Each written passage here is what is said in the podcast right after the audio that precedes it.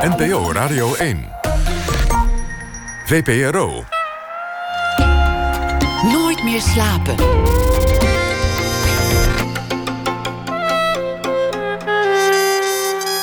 Met Liesbeth Staats. Goedenacht en welkom bij Nooit meer slapen. Mijn gast vannacht sleept zijn pen in het publieke debat, in columns en essays in de grote kranten. En heel letterlijk als gemeenteraadslid in de gemeente Zwijndrecht. Maar de laatste jaren laat hij zijn stem vooral ergens anders horen, namelijk in de literatuur. En springt hij wel publiekelijk op de bres, maar dan liever voor bijen en ezels. Mohamed Benzakour won in 2013 de Edu Perronprijs voor zijn boek Jemma, Stilleven van een Marokkaanse moeder. De ANV ANV Debutantenprijs in 2016 voor De Koning Komt. En nu is er zijn eerste verhalenbundel, De Ogen van Fadil. Acht bloemrijke, zinnelijke en sprookjesachtige verhalen die uit een andere tijd lijken te komen. Welkom, schrijver, imker en visser, Mohamed Benzakour. Ja, dankjewel. Zijn er eigenlijk veel eh, dierenvrienden onder je collega-schrijvers? Ja, niet zoveel uh, zit ik nou even te denken. Dierenvrienden onder collega-schrijvers.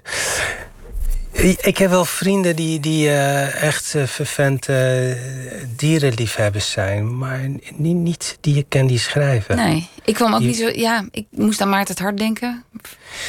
Ja, maar het is niet echt een vriend die bij mij de, de, nee. de deur plat, plat loopt. Nee, maar ik vroeg me af of de combinatie schrijven en dierenliefde, of dat een gebruikelijke is.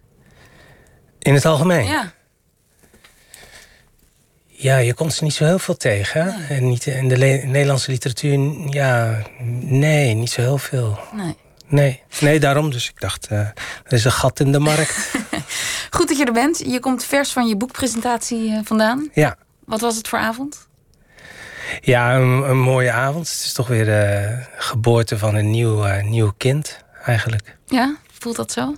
Ja, ja zo voelt het wel. En het was ook wel een, een lange bevalling. Met wel wat naweeën en voorweeën. Maar uiteindelijk is het altijd mooi om mensen te zien die, die, die door deze grauwe, natte Amsterdamse regen naar de boekhandel Atheneum zijn gekomen. En, uh, met jou het boek ten doop, met, ten doop hebben gehouden. Ook allemaal mensen die je niet kent, ook in de zaal. Leuk. Ja. En je hebt acht verhalen geschreven. Uh, het is dus een verhalenbundel korte verhaal, uh, heet dat officieel, dat genre. Uh, had je die verhalen, droeg je die altijd al bij je? Of ben je gaan zitten voor deze bundel uh, om ze te schrijven en te verzinnen? Nee, ik ben er niet voor gaan zitten om ze te schrijven. Nee, zo, zo, althans misschien dat sommige schrijvers zo werken, ik niet. deze verhalen die, die zijn heel erg gespreid over de jaren tot mij gekomen. En uh, een aantal vielen af uh, die ik niet goed genoeg vond. Of uh, waar ik vast in vastliep. Waar ik niet een mooie plot van kon maken. En een aantal die, die vond ik meteen... ja, dat, dat, dat je verrast wordt door je eigen geest... op het moment dat je aan het schrijven bent. Want zo werkt dat bij mij Mhm. althans. Ik heb niet een heel planmatig vooropgezet... Uh, ik weet van Hermans bijvoorbeeld dat hij, dat hij van tevoren heel nauwgezet weet hoe waar het verhaal naartoe gaat. De personages helemaal heeft uitge. Nee, ik ben, ik ben wat, toch wel wat meer intuïtief, uh, intuïtieve manier van schrijven. En zo is dat ook met deze verhalen. Uh, er zit oud, uh, oud materiaal en nieuw materiaal tussen. En op een wonderlijke manier zijn ze heel mooi in elkaar overgegaan. En waardoor ik had meer verhalen, maar deze selectie van acht vond ik het mooist bij elkaar passen. En, uh... en het is een heel kleurrijke bundel geworden. ik krijg, krijg, heel erg de indruk dat het in een andere tijd speelt. wordt helemaal niets benoemd uh, ja. qua jaartallen. Ook niet qua locatie. Het is, nee, niet, het is bij... niet Marokko, denk ik, per se. Nee, nee, dat heb ik heel bewust zo gedaan. Dat ik dat, dat ongedefinieerd heb gelaten. De, um, de, de tijd. Het is wel lang geleden, dat kun je wel merken. Dat het van voorbij, uh, ja. voorbije jaren is, voorbije eeuw misschien zelfs sommige. En, ehm, maar het decor is, is, is niet uh, zeg, de Leidseplein of, uh, of het Spui. Uh, is Meer duizend en één nacht is dan dus de, de, ik, de voor de hand liggende associatie. ja, ja, ik ben er wel een beetje voorzichtig mee om het in, in, die, die, in die hoek te duwen. Omdat ehm, ik ook graag speel met, met dat orientalistische, wat voor mijn gevoel te veel een verzoeting is van, van, van de Arabische literatuur of cultuur. Wat bedoel je daarmee, verzoeting? Ja, dat het. Um... Disney. Ja, dat je, je, je, voor, je, voor je het weet wordt het een cliché. Weet je, dan komen de vliegende tapijt al, uh, word je al om de oren geslagen. En, uh, en de olielampen waar rare geesten uitkomen. De, daar hou ik weer niet van. Um, maar ik speel wel met, met die elementen. En waardoor ik het, het, het, het, het feerieke en het, en het uh, sprookjesachtige, dat, dat vind ik wel een heel interessant. Uh, ja, interessant decor om daar, om daar mijn verhaal in te settelen. Wat ik vind, uh, ja, Nederland is heel, heel uh, zeker dit, deze winter toch een erg grijze, grauwe. En dat, dat, zo'n zo'n kleurrijk boek, dat mag dan wel. Nou, en daar ben je in geslaagd, want als je leest, dan voel je de zon letterlijk op je huid branden. Ja, dankjewel. En Kort geleden. bruin van geworden? Wat zeg je? Ben je er ook bruin van geworden? Nou, dat, nou, dat, zou goed, goed, dat zou een hele gezonde manier van tanning zijn, ja. Ja, hoef je niet naar de zonnebank. Nee, en niet in de zon. Um, kort geleden in de Volkskrant besprak je met Annelies Verbeke... Um, ja. Uh, het korte verhaal ja. als genre. Je brak eigenlijk een lans voor dat korte verhaal. Ja.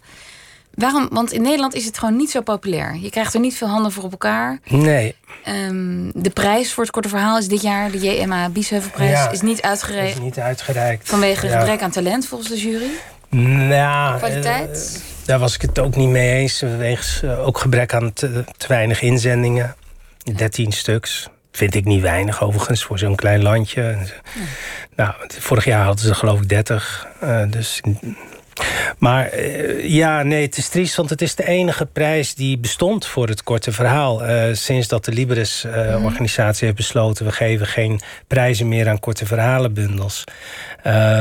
ja, dat, ik vind dat on, onbestaanbaar. Dat het een, een klassiek, mooi literair genre... wat het korte verhaal is, wat wat grootmeesters heeft voortgebracht. Noemen, noemen, Roald Dahl? Roald Dahl, de, de meester van de korte sprint.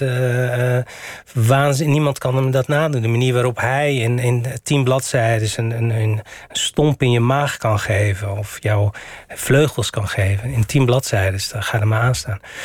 Nou, Edgar Allan Poe, Guy de Maupassant, um, en noem zo nog wel. Dus dat is een echt, echt een heel moeilijk uh, en uitdagend genre. Wat, en, en, en, hoe komt het dan dat het in Nederland zo'n imagoprobleem heeft? Ja, ik, ik, weet het niet. Het, uh, het, is nooit hier echt... Nou ja, dat is ook niet helemaal waar, maar... Ja, Biesheuvel? Biesheuvel was... Wat, het is, ja, maar eh, nog een aantal. Uh, Bomans is, is ook wel goed in het korte verhaal. En, maar we hebben niet een hele rijke, levendige traditie rond een korte verhaal. Zoals bijvoorbeeld in Turkije of in, uh, in, de, in de Arabische landen... waarin het, het genre veel, veel meer geprezen wordt. Zelfs dan, dan de roman. Maar ook in Ierland. En, uh, ja, dus dat is, dat is jammer. En, dus ik vond dat daar verandering in moest komen. Ja. En ik nou, heb mijn bescheiden bijdrage geleverd. Doe nu mee voor de prijs volgend jaar, neem ik aan. Ja, ja want ze hebben, die, ze hebben besloten dan maar een tweejaarlijkse prijs van te maken. Okay. Heb ik begrepen, zodat de, de inzendingen van dit jaar toch nog mee kunnen doen volgend jaar. Okay. zo hebben ze alle kritiek toch nog een beetje gepareerd. Ik heb um, voor de, het boek Voor de Ogen van Fadil, voor dit, deze verhalenbundel, was een heel ander boek wat je maakte. Tien op een ezel. Oh ja. En dat is een Berbers spreekwoordenboek. Ja. Uh, en daarin doe je verslag van jouw letterlijke zoektocht naar spreekwoorden en gezegden in het Berbers. Ja. Want, zo schrijf je in het voorwoord.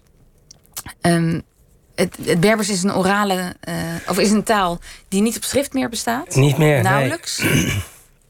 Dus het is een orale traditie ja. waarin verteld wordt. En, en met het uh, sterven van generaties ver, verdwijnen er uitdrukkingen, gezegden. Ja.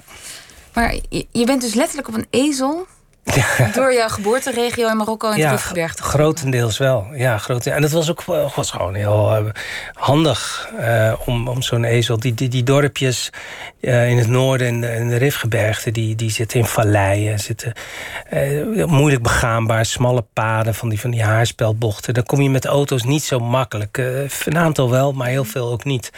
En dan is een, dan is een ezel die ik daar gewoon kon lenen of soms huren. Dan gaf ik een een kleine.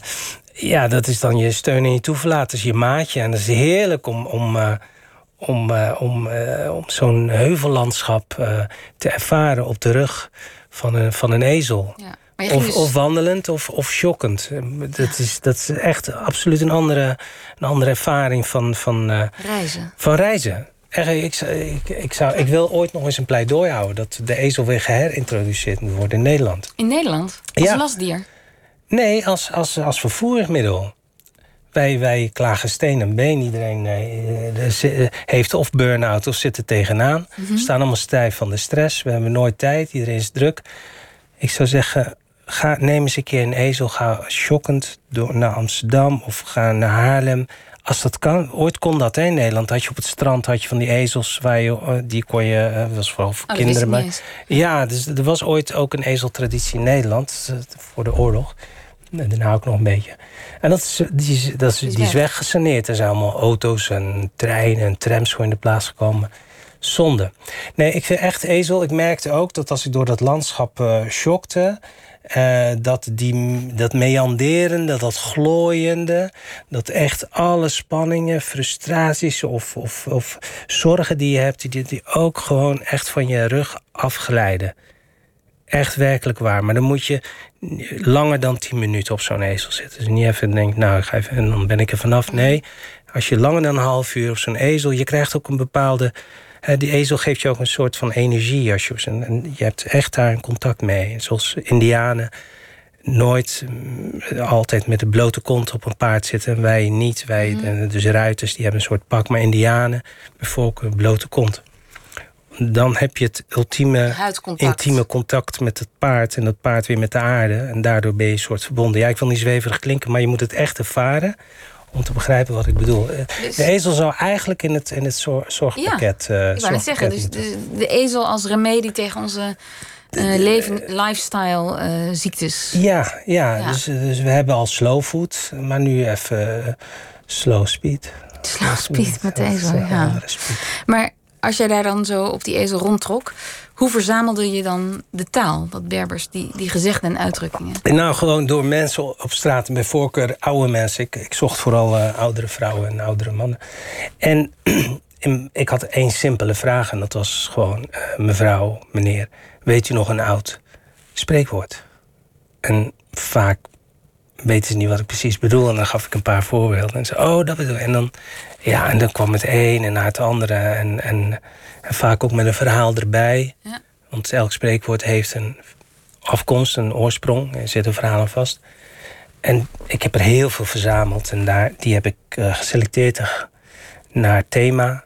Naar dieren ook. Uh, slangen, vissen, jakhalzen, vossen, kippen. Dat heb ik allemaal zo en, en uh, ja, het is, uh, het is, een prachtig boek geworden, kan ik je zeggen. En, en wat, wat, wat trekt jou zo aan in die spreekwoorden? Wat, wat, wat maakt ze nou, wat ik bijzonder? Belangrijk, ja, wat ik mooi vond is dat die, die Berber-taal is een hele oude taal. Een hele oude taal.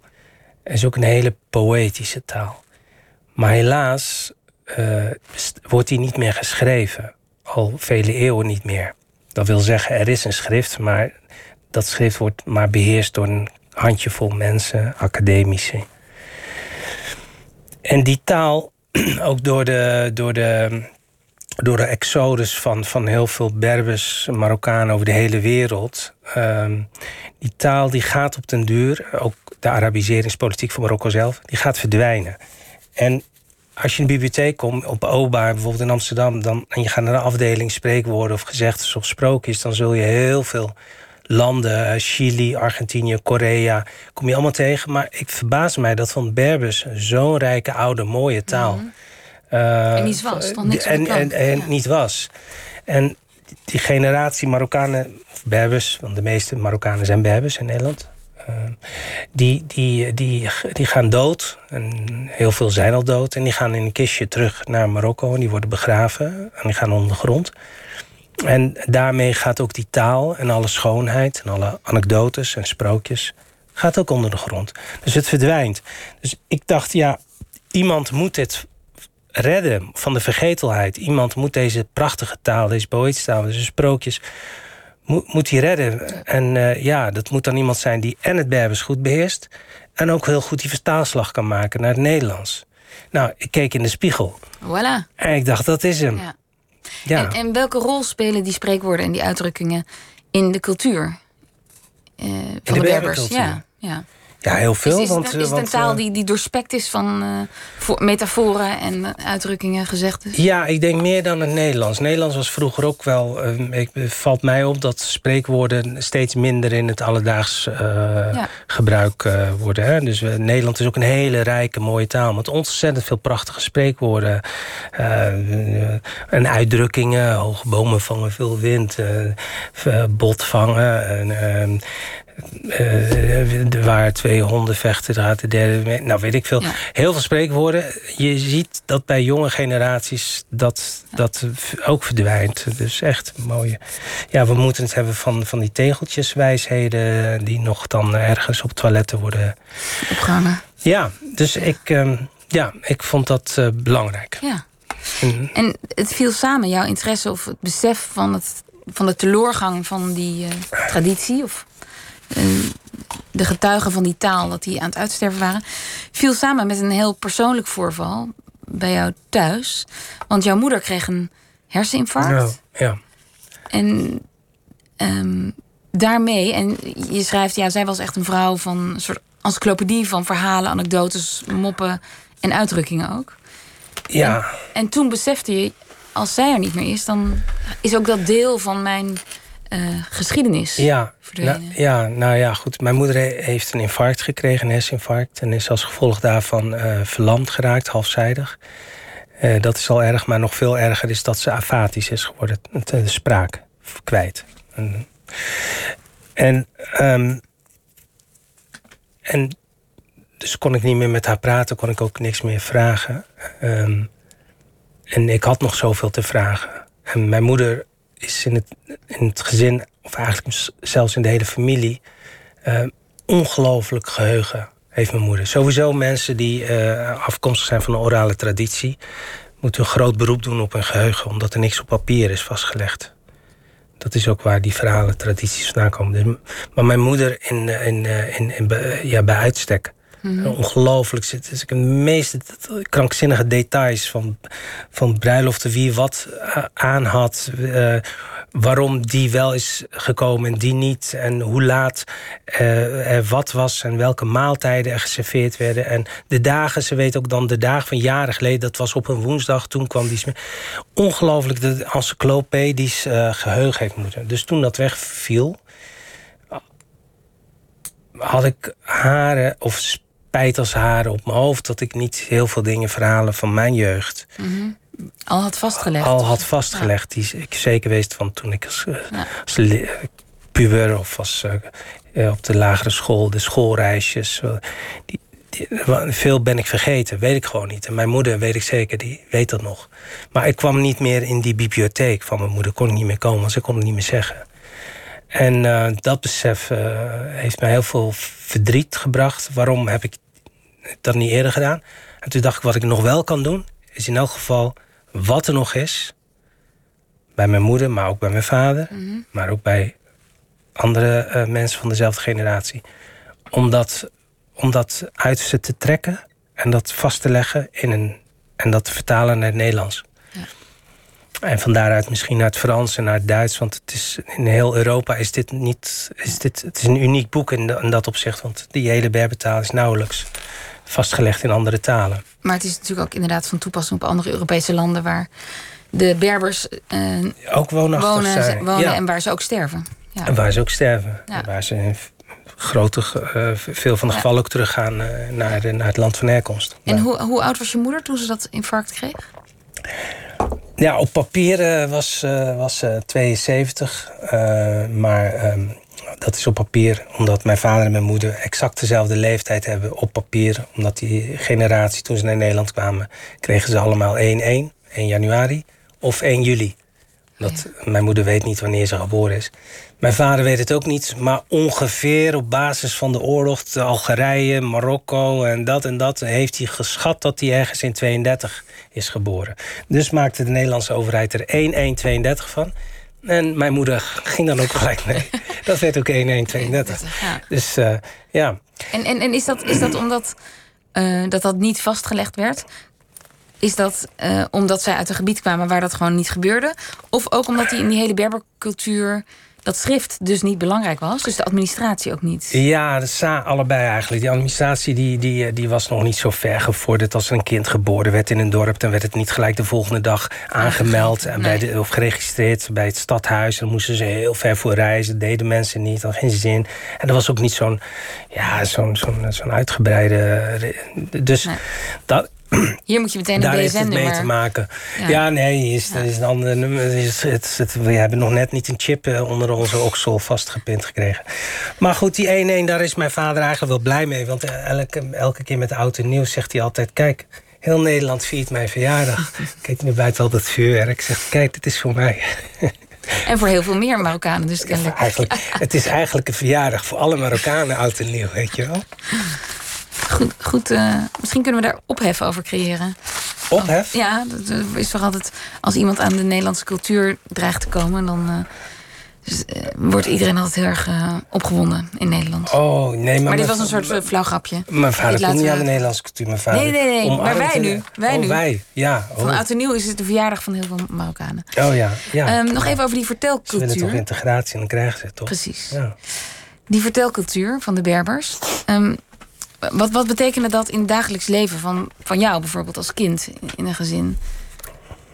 Hoe, bedoel je? Nou, in jouw boek uh, wordt ook in, in verhalenbundel, maar ook in dat boek Tien op een ezel, wordt duidelijk dat de Berbercultuur een, een cultuur is van verhalen vertellen.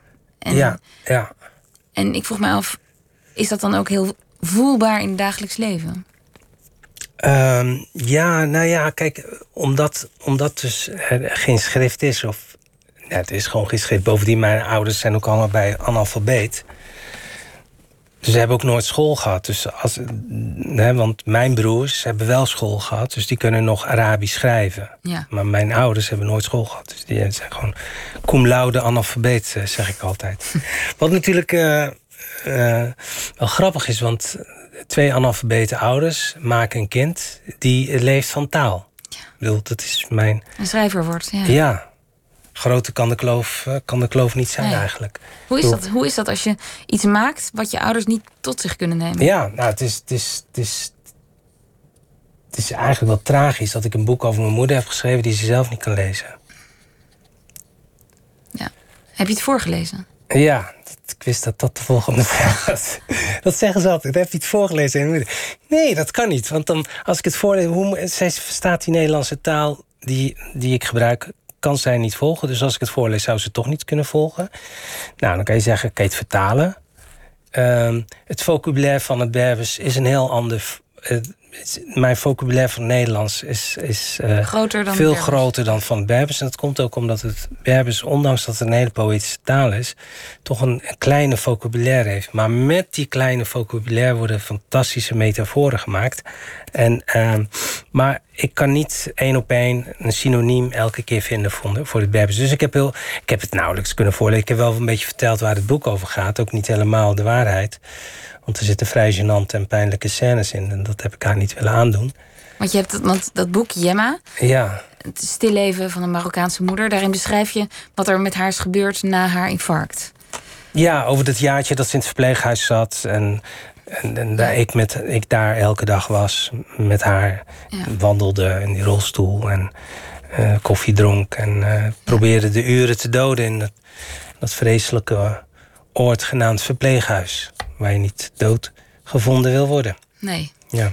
En want ik heb dat boek heb ik niet gelezen, maar je hebt daar eh, over geschreven en over verteld op televisie onder andere. Ja. Dat je zei, ja, we hebben niet alleen een multiculturele samenleving, maar er is ook een soort van multiculturele versterving. Samen sterven. Samensterving. Ja, ja. dat vond ik wel een mooie. Ja.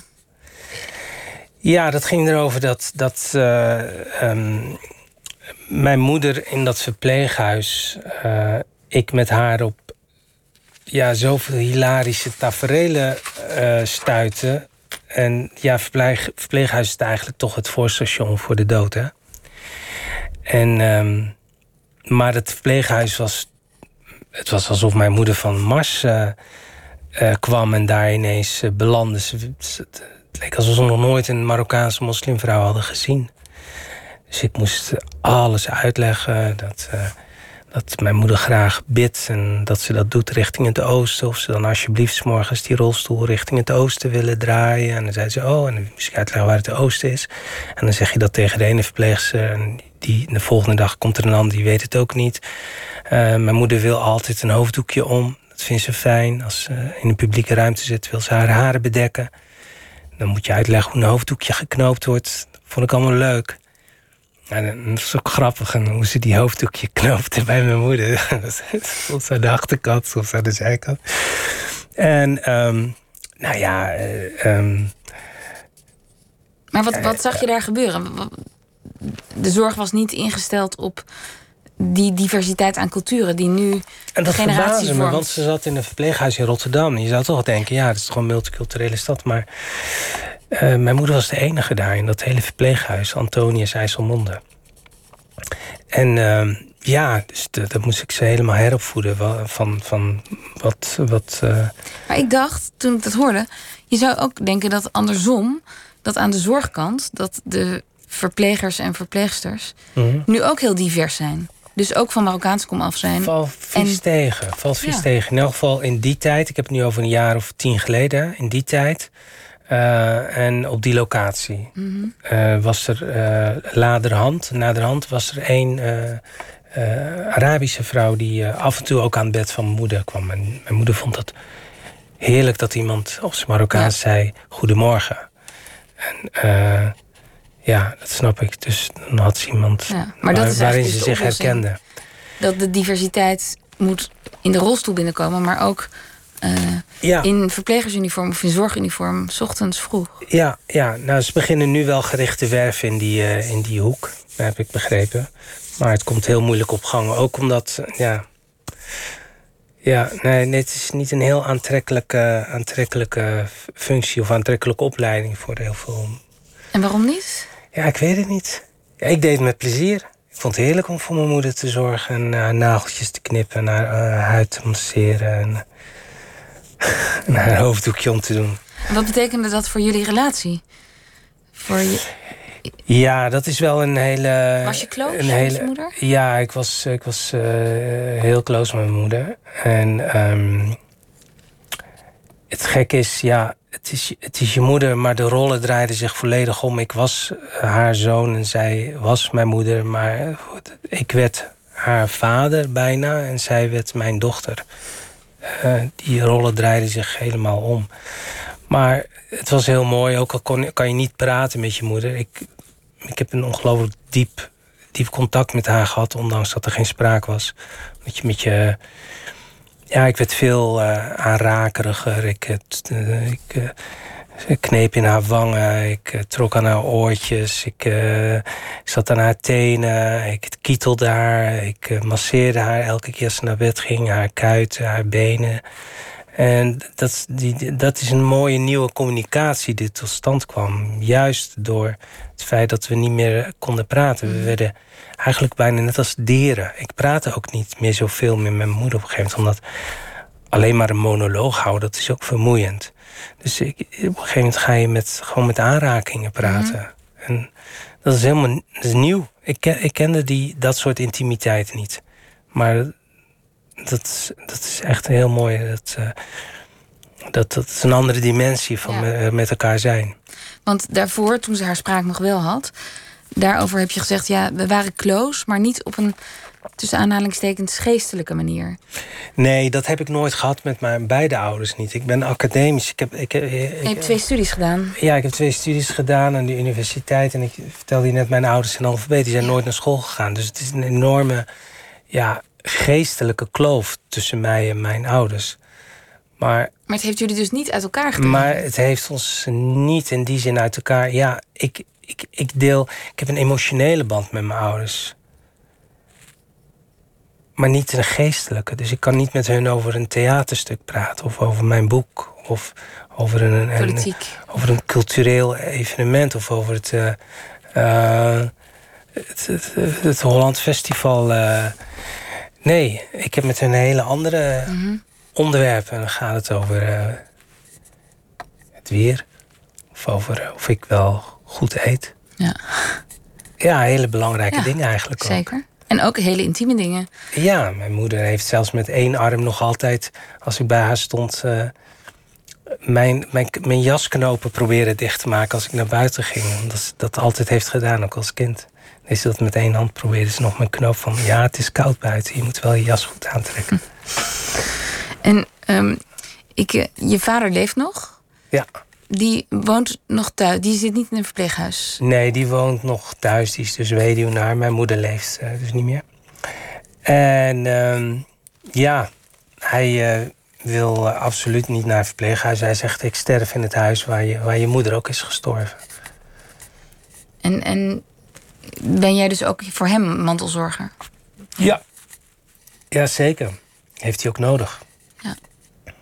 Ik las dat het ook in Marokkaanse families ook een taboe kan zijn, dat verpleeghuis. Zo van, dat, daar stop je je ouders niet ja, in of zo. Ja, dat is wel een uh, inderdaad is dat een wel een gedateerd? Nee, dat is niet gedateerd. Dat is ook, daar heb ik ook veel uh, strijd voor moeten leveren, uh, nog steeds. Um, kijk, er is een soort ongeschreven code, of, of eigenlijk afspraak tussen kinderen en ouders uit die cultuur. Namelijk, um, toen jij klein en kwetsbaar was als baby, toen zorgden wij mama en papa voor jou. Nu is mama en papa klein, letterlijk. Ze krimpen in. En kwetsbaar, ze kunnen niks meer. Dan zorgen jullie nu voor papa en mama. Nu zijn wij jullie kindjes. En dat is eeuwen zo gegaan. Dus je vader en je moeder afstoten naar een verpleeghuis in de handen van een professional. Ja, dat, is, dat doe je niet. Dat is, dat is bijna blasfemisch. Mm Met als gevolg dat heel veel schrijnende situaties achter de voordeur bij heel veel Marokkaanse gezinnen nu. Uh, kinderen die zich moreel verplicht voelen om voor hun ouders te zorgen, terwijl ze dat niet meer kunnen. Omdat ze. Banen en gezinnen. Banen, gezinnen. Het is een hele andere context dan in Marokko. Daar zijn de huizen groter, dan kunnen je vader en moeder bij je intrekken. Hier kan het niet, hier zijn de huisjes klein. Klein land, kleine huisjes. En dan, dan moeten die kinderen van een andere stad. En, dat is niet te doen. Nee. En dan zie je ook echt, uh, echt hartverscheurende tafereelen vaak. Waar die kinderen ook aan onderdoor gaan aan de mantelzorg. En gaat dat veranderen, denk je? Ja, dat begint wel te veranderen. En ik, uh, ik heb ook heel veel lezingen gehouden... waarin ik ook dit punt naar voren breng van... ja, je, uh, we leven in een andere tijd, we leven in een ander land. Uh, het is geen schande om je ouders... het is ook beter voor je ouders, voor je vader en je moeder... om ze in een, als het kan, in een verpleeghuis te brengen. Als je het zelf niet meer kunt. Dat is geen schande. Dat is, nee.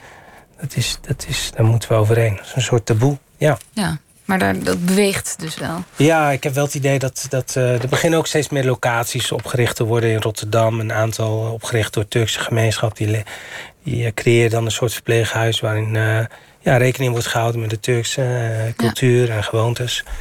In Amsterdam heb je ook een aantal van die. dus het begint wel te komen, een klein beetje. Maar in de tijd dat ik dat boek schreef en waarin ik de, de situatie in dat verpleeghuis uh, de verhalen. toen was, was er eigenlijk helemaal niets, weet je Dus, en, ja. In die zin, ja, het, het, ik heb het ook altijd, uh, dat was mijn troost. Het is verschrikkelijk wat mijn moeder is overkomen. Voor haar, voor mij, voor ons allemaal. Maar ergens heeft, is haar noodlot, heeft ook een beetje de weg geplaveid voor, voor andere mensen. Om de ogen te openen van, er moet iets gebeuren. Mm -hmm. In die zin, heeft mijn moeder zich opgeofferd als het ware voor andere ja. generaties. Ja. En is dat troostend? Want je mist haar en jullie band was heel hecht. Ja, maar ze, ze is er nog hoor. Ze is niet weg. Ze is nog, uh, ik heb nog nooit zoveel duifjes op mijn balkon zien neerstrijken als de afgelopen uh, jaar. Ik, ik, ik woon op negen hoog. En er komen nooit duifjes bij mij op mijn balkon. Maar sinds mijn moeder overleed, staat er bijna elke week een duifje naar me te koekeloeren terwijl ik daar achter de computer zit. En in het begin had ik er geen erg in. Nou, in het begin dacht ik wel, hè. Naderhand dacht ik, wacht even. Dat is mama. Mama houdt nog steeds een oogje in het zeil. Want ik heb toen ze begraven werd, heb ik een, een, een paloma, een witte duif, heb ik uh, bij haar graf symbolisch losgelaten. Ik heb die duif gekocht op de markt. Die zat in een kooi. In Marokko? In Marokko. Op een markt heb ik die duif gekocht. Die zat, die zat in een kooi. En die heb ik dus gekocht. Die heb ik als het ware bevrijd uit die kooi. En die heb ik vrijgelaten bij het graf van mijn moeder. Als een symbolische datum dat mijn moeder, ik zie haar dood. Ook mhm. als een bevrijding uit de gevangenis. Uit de kooi waarin ze zat. Ze zat gevangen in de eigen lichaam. Ze kan niet praten, ze kan niet bewegen. Het is nog erger dan Alzheimer. Ze is zich van bewust dat ze niet kan weg. Dus, ze zat, dus de dood was voor haar ook een mooie verlossing. En is ze teruggekeerd naar degene die haar heeft geschapen. Allah, daar gelooft ze in. En dus heb ik die duif vrijgelaten. Dat was mijn moeder. En die duif heeft de afgelopen jaren heel vaak op mijn balkon neergestreken. Dus uh, ja, mama is er gewoon nog. Nu, nu je dit vertelt, moet ik denken aan iets wat je ook hebt gezegd... naar aanleiding van het uh, ziek worden van je moeder. Mhm. Je zei ja, een, een van de uh, consequenties was ook... dat mijn eigen geloof een knauw kreeg. Dat ik dacht, oké, mijn moeder... die zo vroom was en zo... Ja, ja dat, dat, dat was wel een, een, een gevecht wat ik had met mezelf. Omdat ik niet goed kon uitleggen waarom uitgerekend mijn moeder, die inderdaad een hele toegewijde, simpele vrouw, maar ontzettend veel liefde voor God heeft. Zelfs toen ze dus helemaal verlamd was in die rolstoel, dat ze dan keek ze de hele tijd naar de klok om, om de klok in de gaten te houden van nu moet ik bidden. En mijn moeder gelooft dat God mhm. alles in handen heeft. Dus God geneest en God maakt ziek. Dus zij gelooft ook dat God haar die infarct.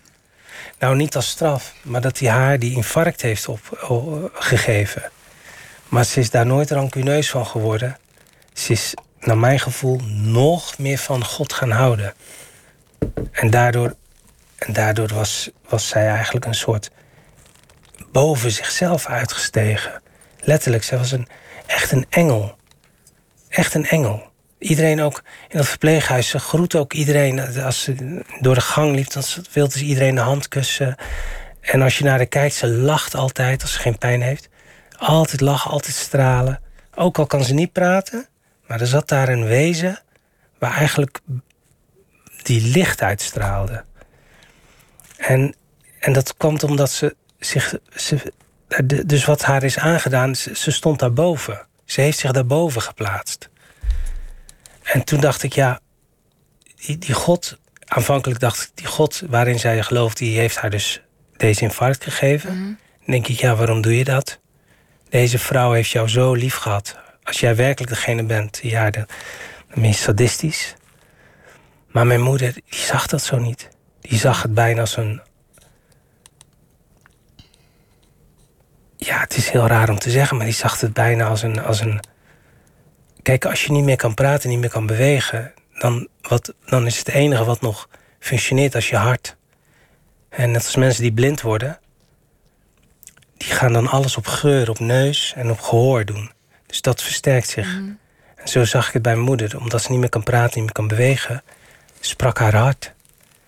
En dus zat daar in een rolstoel één groot kloppend hart wat uh, God nog sterker aanbad. Ja. Dan, ja en, hoe was dat dan voor jou en jouw verhouding met God? Nou ja, aanvankelijk dacht ik, wat ben jij voor een God die dit mijn moeder aandoet, inderdaad. Maar naderhand dacht ik, omdat mijn moeder daar zo sterk uitkwam. Want ik heb mensen meegemaakt in het verpleeghuis die, die ook een infarct hebben gehad. En die, uh, die wilden niet meer eten, die wilden niet meer drinken, die, die was er eentje naar de kamer, die, die zat alleen maar God. Dat was het enige wat, nog wat hij in zijn mond had. Hij kon niet meer praten, maar hij kon alleen maar God, God. Zo zat hij de hele dag. En die heeft het ook niet lang, uh, lang, uh, lang volgehouden. Die is, die, is, die is dood gegaan.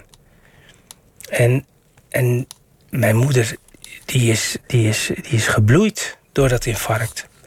Het is echt wonderbaarlijk. Als je haar zou zien en je zou niet weten dat ze een infarct mm heeft... en je zou die rolstoel niet, zitten, niet zien... zou je denken, deze vrouw blaakt van gezondheid.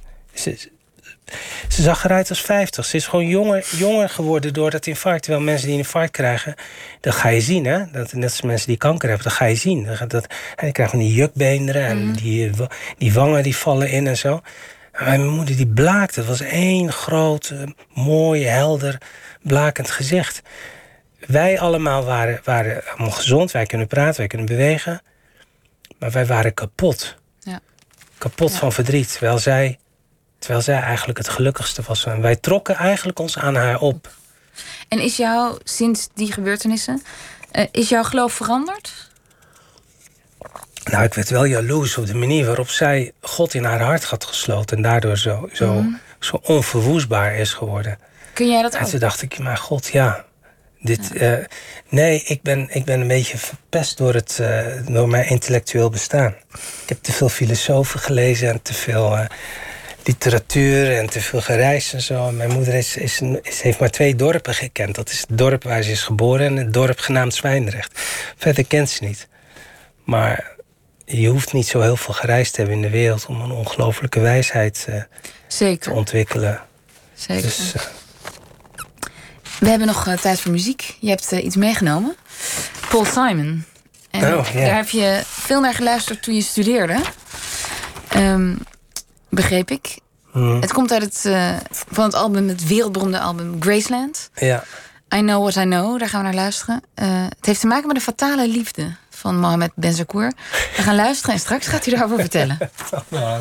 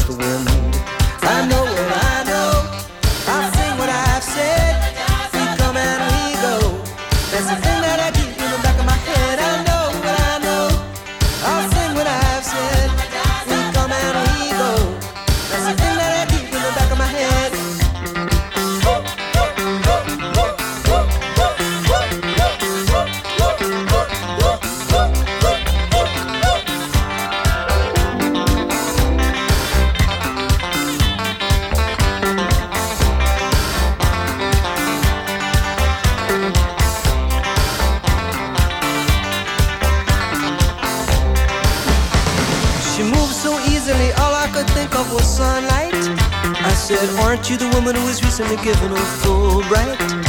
She said, Don't I know you from the cinematographer's party? I said, Who am I to blow against the wind? I know I know.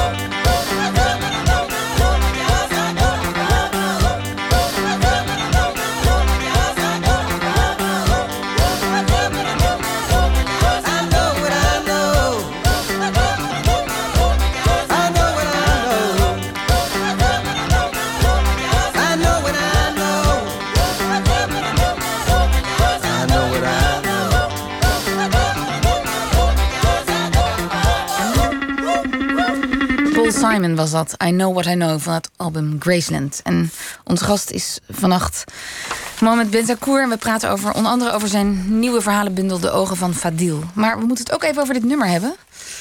Op uh, ons verzoek uh, droeg je dit aan. En het heeft te maken met een grote maar fatale liefde. Ja. Ja, ik moest twee nummers van jullie uitzoeken. Dat vond ik echt een onmogelijke opdracht. Maar um, nou, ik dacht, ik, ik vind het sowieso een mooi nummer. Maar dit, dit nummer uh, hoorde ik. Volgens mij is de Graceland, die CD, ergens in de jaren 80, midden jaren 80 ja, uitgebracht. 86. 86. En, um, en ik hoorde dit nummer met name. Of ik heb het gemist, maar in mijn, ik hoorde dit nummer met name in, uh, toen ik ging studeren, 91. Heel vaak. Op de radio, uh, in cafés, ik, waar ik ook kwam, hoorde ik dit nummer. En het, was, het viel samen met uh, een verliefdheid van mij. Dat was eigenlijk mijn eerste grote liefde. Die, die, uh, die ook, uh, ja, ook het meest pijnlijke is geworden. Daar viel het mee samen. Dus ik, ik, ik kon dat meisje ook alleen maar associëren met dit nummer. En ik, ik meende ook de hele tijd haar stem te horen in dit nummer. In het achtergrondkoor van Paul Simon zitten een paar Afrikaanse dames. Ja. En ik meen ook de hele tijd dat ik haar stem daar, daar hoorde. Maar ik, ik, er was meer aan de hand, want ik meende haar gezicht ook te zien in de wolken die voorbij kwamen. Ja. Ik meende haar ook te voelen in, in mijn bed als ik daar lag, maar het bleek een laken te zijn. Ik meende haar ook te zien op de hoek van de straat, maar dat was zij niet. Volgens mij zijn dat dingen die je overkomen als je iets te heel erg verliefd bent. Heel veel ja. vlinders in je buik hebt. Ja, ja dus, dus dit nummer, als ik het nu nog hoor, dan, en, en dan, dan roept dat weer. Uh, nee, want het is geen succesverhaal uiteindelijk geworden. Nou, dapper dat je het dan mee hebt genomen. Het is een goed nummer. Ja, maar ik ben er overheen. Ja. Over die pijn. We moeten het nog even over ezels hebben. Oh vind ja. Ik. Daar hebben we het al even over gehad. Maar de ezel is in jouw werk een soort terugkerende figuur. In allerlei uh, rollen. Ja. En in je verhalenbundel, De Ogen van Fadil, ook een paar keer. Um, en je hebt net een heel pleidooi voor de ezel gehouden. In onze gehaaste samenleving zou het heel goed voor ons zijn als wij ons weer op ezels gingen voortbewegen. Ja. En, maar voor een dierenvriend, als jij bent, ja. Uh, zijn, is de rol van de ezel in deze verhalenbundel soms ook niet heel vriendelijk voor de ezel. Nee? Nee. Soms heeft hij. De ezel heeft seks. Ja. Maar dat is soms niet helemaal. fijn, ja, maar ook niet helemaal vrijwillig soms. Nou, jawel, hij laat het toe. Ja, nou dat is iets anders dan vrijwillig. Nee, maar uh, kijk, seks is een wederkerig iets. Dus uh, er is een verhaal waarin het baasje van die ezel, die ontzettend verknocht is aan die ezel, uh, het, meer dan aan zijn eigen vrouw, ook, een, laten we zeggen, een intieme omgang heeft met die ezel. Maar hij zorgt ook heel goed voor die ezel. Het is zijn, zijn, zijn, zijn kostbare bezit. Mhm. Mm -hmm. Hij geeft lekker eten en kamt zijn haren. En, en dat is in die tijd en in die streek bijzonder. Dat zo'n ezel zo goed wordt verzorgd en zoveel, met zoveel liefde wordt om, Mhm. mm. omringd. Ja, en dan als, als, als, als hij zich aan haar uh, vergrijpt wat hij uh, niet bewust doet. Hè? Want als het verhaal het gebeurt in, een, in eigenlijk uh, slaapwandelend. Een soort roes, ja. Wat hij niet weet. Dan komt hij later achter. Maar dan, dan, ja, dan, dan kan je ook zeggen dat die ezelin... Uh, ook als een soort daad van dankbaarheid ook ja. zegt... nou ja, dan, als jij zo goed voor mij zorgt... dan laat ik ook toe en vind ja. ik het ook fijn dat mijn baasje. In deze iets, tijden van MeToo zouden we daar nog een heel, terugkrijgt. hele boom over kunnen opzetten. Maar, um, Hoezo? Nou, het is geen aanranding. Ik wilde, maar ik wilde eigenlijk ja. naar ezels en seks in de Nederlandse literatuur. Dan denk je al snel aan Gerard Reven en het oh, ezelproces. Ja. ja, Gerard Reven. Ja. Die uh, voor de rechter moest komen omdat hij had beschreven in twee fragmenten dat God terug was gekeerd op aarde in de gedaante van een ezel. En Gerard Reven had dan seks met die ezel. Ja. Hij is daarvoor vrijgesproken. En, en daarmee was er ook een soort landmark gezegd... dat, dat, dat kunst belangrijker is dan blasfemie. Ja. En um, die heb je daar aan gedacht, aan, aan, aan Gerard Reven, bij het schrijven van deze verhalen? Nee, niet echt, want, want mijn, mijn ezels uh, hebben, hebben, spelen zich in een hele andere context. En er is een hele andere band. Er komt geen god aan te pas uh, bij mij. Het is ook niet een gedaante. Ze zijn nog niet muisgrijs, zoals bij Gerard ja. Reven. En, um, en het past heel goed in het decor van waar de verhalen zich afspelen. Daar, daar zijn ezels uh, ja, onderdeel van het straatbeeld. En dat zijn ze hier niet in de Nederlandse context. Dus in die zin is het bij Gerard Reven eigenlijk wel een beetje, een beetje bedacht, zo'n zo mm. ezelin. En in mijn verhaal is het, is het heel natuurlijk. En um, ja, natuurlijk heb ik, heb, weet ik van, van, van Gerard Reven. Maar, en ik bewonder ook zijn, zijn verhaal. Maar mijn, mijn, uh, nee. mijn ezels hebben hele andere rollen. In de, in de intro noemde ik dat, dat, dat je een paar jaar terug prominent aanwezig was op de opiniepagina's van kranten en tijdschriften. Je mengde je heel erg in het publieke debat en dan ging het vooral over polarisatie, waar jij bang voor was, je tegenkeerde en immigratievraagstukken. Nou, ik polariseerde zelf ook. Hè. Ja, maar, ja. ja maar aan één kant van het. Maar soms is polariseren goed. Ja, ik bedoel, uh, kijk, radicaal, radicaal tegen radicalisten vind ik niet erg. Tegen radicalisten moet je radicaal zijn.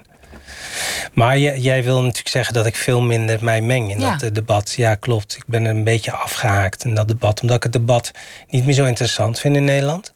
Ik vind uh, het is gekaapt door, eh, door vind ik nogal ja, domme lieden. Mm Doorgaans. die zichzelf voortdurend herhalen.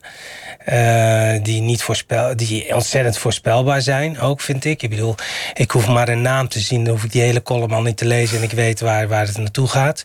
Dus ik vind het ook heel, heel erg uh, ingekakt, ingekakt, waarin allerlei groepen zich in een loopgraven hebben, hebben verschanst.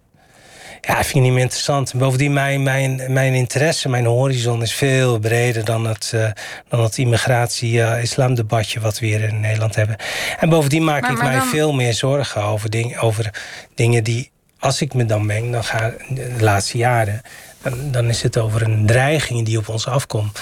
Die, die, die, de, de etnische clashes, de, de etnische um, uh, kwesties overstijgt. Namelijk het gaat niet meer over uh, migrant of uh, niet-migrant... of allochtoon of autochtoon of moslim of niet-moslim. Uh, wij zijn straks allemaal de lul als, als, het, als, het, als, als de, planeet. de planeet. Precies. Ja, ja. En dat dus vind ik een veel interessanter bijen, niveau. Wat zeg je? Dus dan schrijf je liever over bijen en het belang van nou, de ja, bijstand. Ja, je moet teruggaan naar het microniveau... Om, om iets over de macro te kunnen zeggen. Dus ik, ik ben... ja, ik ben imker en, en mijn, mijn, mijn belangstelling en mijn fascinatie voor, voor, voor het kleine... waar wij uh, eigenlijk allemaal van afhankelijk zijn. Maar het veronachtzamen of daar slordig mee omgaan... dat is mij veel meer gaan interesseren. En als je dan, wat je, je zou zeggen... als je houdt van het debat, ja. je houdt van een scherp debat... dan nu, kun je, nu is er iemand als Thierry Baudet opgestaan. Ja. En die, die kun je iedere dag... Um, bestrijden met argumenten of debattechnieken... of als je houdt van een scherpe pen, ja. jeuken je handen dan niet? Nou, het leuke van Baudet is, is, is weet je wat Baudet ja, betekent? ezel, daar moet je denken, ja, in het Frans. Dat vind ik heel leuk, dat hij de ezel weer een beetje uh, terugbrengt in het debat. Alleen uh, brengt, brengt Baudet de ezel uh, helaas een beetje het clichébeeld van de ezel in het debat. En dat is namelijk dat de ezels dom zijn. En um, ik vind Baudet in die zin niet zo interessant. Wat ik, wat ik, wat ik wel veel interessanter vind, is de compaan van Baudet. Hiddema. Hiddema, die vind ik, die vind ik wel interessant. Waarom? Nou, ik, ik ben ontzettend... Uh, ik vind het verademend om naar die man te luisteren. Ik vind het de beste cabaretier van Nederland van dit moment. Ik vind het de beste eloquente, de meest eloquente man. En wat mij persoonlijk enorm aan hem van uh, mij in hem aantrekt, is, is uh, uh, zijn enorme kennis van spreekwoorden en gezegdes. Hey. Ja, moet je maar eens goed luisteren naar de Hiddema. Hoeveel hij oud-Hollandse uitdrukkingen zo even vervlecht in al die volzinnen die hij uitspreekt, is voor mij als taalliefhebber, dat is smullen. Maar luister je dan vooral heerlijk. daarnaar ja, of ook naar de boodschap? Ik ben, ik ben zo gecharmeerd door de taalvaardigheid van deze Hiddema, dat ik bijna vergeet dat hij best wel foute dingen zegt. Mm. En dan wil ik het hem bijna vergeven. Als zijn eerbetoon voor de schoonheid van de taal, ben ik bereid om hem te excuseren voor ja, niet zulke en, eh, fijne nog, standpunten. Nog even over uh, de bijen. Heb je dan kasten? Want je woont negen hoog, zijn het. Ja, ja ik heb kasten. Maar die heb ik op een weilandje bij een boer staan. Ja. Uh, in Ridderkerk. En, um, is dat veel werk eigenlijk? Ja, het is veel werk. Mensen verkijken zich altijd op die bijen. Nee, dat is echt heel veel werk. Want je, uh, althans, ik wil steeds minder werk eraan gaan hebben. Ik wil ze steeds meer hun gang laten gaan. Dat mhm. heet uh, biodynamisch imkeren. Maar uh, het reguliere imkeren in Nederland is best veel werk. Want je moet de darrenbroed in de gaten houden. We hebben te maken met allerlei parasieten en mijten. We hebben te maken met een kever die, die je raten opeet. Uh, nou, we hebben te maken met uh, zeer veranderende uh, seizoenen. Waardoor die bijen ook van slag raken. En dat moet je allemaal managen. En, en hoeveel uur ben je, ja, rare vraag, maar hoeveel uur ben je daarmee bezig ongeveer? Ja, nou, dat, dat wisselt. Maar um, je bent in de zomer en in de lenteperiode toch wel, uh, ja, acht uur per week ermee bezig in de okay. drukke periode. Ja. ja. Dus um, weet jij, één potje honing, hè? één potje honing. Weet jij hoeveel kilometers de bijen daarvoor afleggen, uh, bij elkaar nee. opgeteld? Dus, dus zeg maar naar een bloem en weer terug. Naar een bloem en weer terug. Want ze halen nectar en dat zetten ze om in honing. En al die bijen bij elkaar, hoeveel kilometer ze afleggen om één potje honing. Ja, dat staan mensen niet bij stil.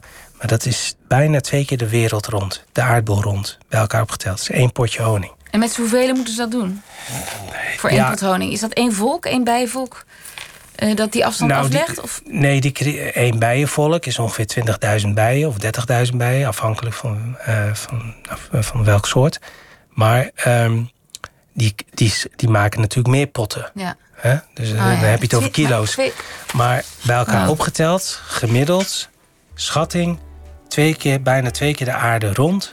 Om één potje.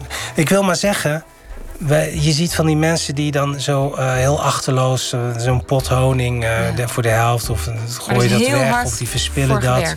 Maar daar, daar, is, daar, is, daar is echt zijn marathons voor gevlogen. We sluiten af. Oh, gaan we wel voor jou afsluiten. De ezel en de bij. Dankjewel, Mohammed Benzakour. We spraken over jouw bundel De Ogen van Fadil en over je moeder. Nou, heel weinig over die bundel. Hè? Nou, ik vind dat we er veel over gesproken hebben. ik vertel nog even snel morgen. Dan uh, zit hier uh, van der Zijl. Met haar spreek ik dan over het boekenwerkgeschenk dat ze schreef, Leon en Juliette. Dat voor morgen. Nu wens ik u nog een heel goede nacht. Op Radio 1, het nieuws van alle kanten.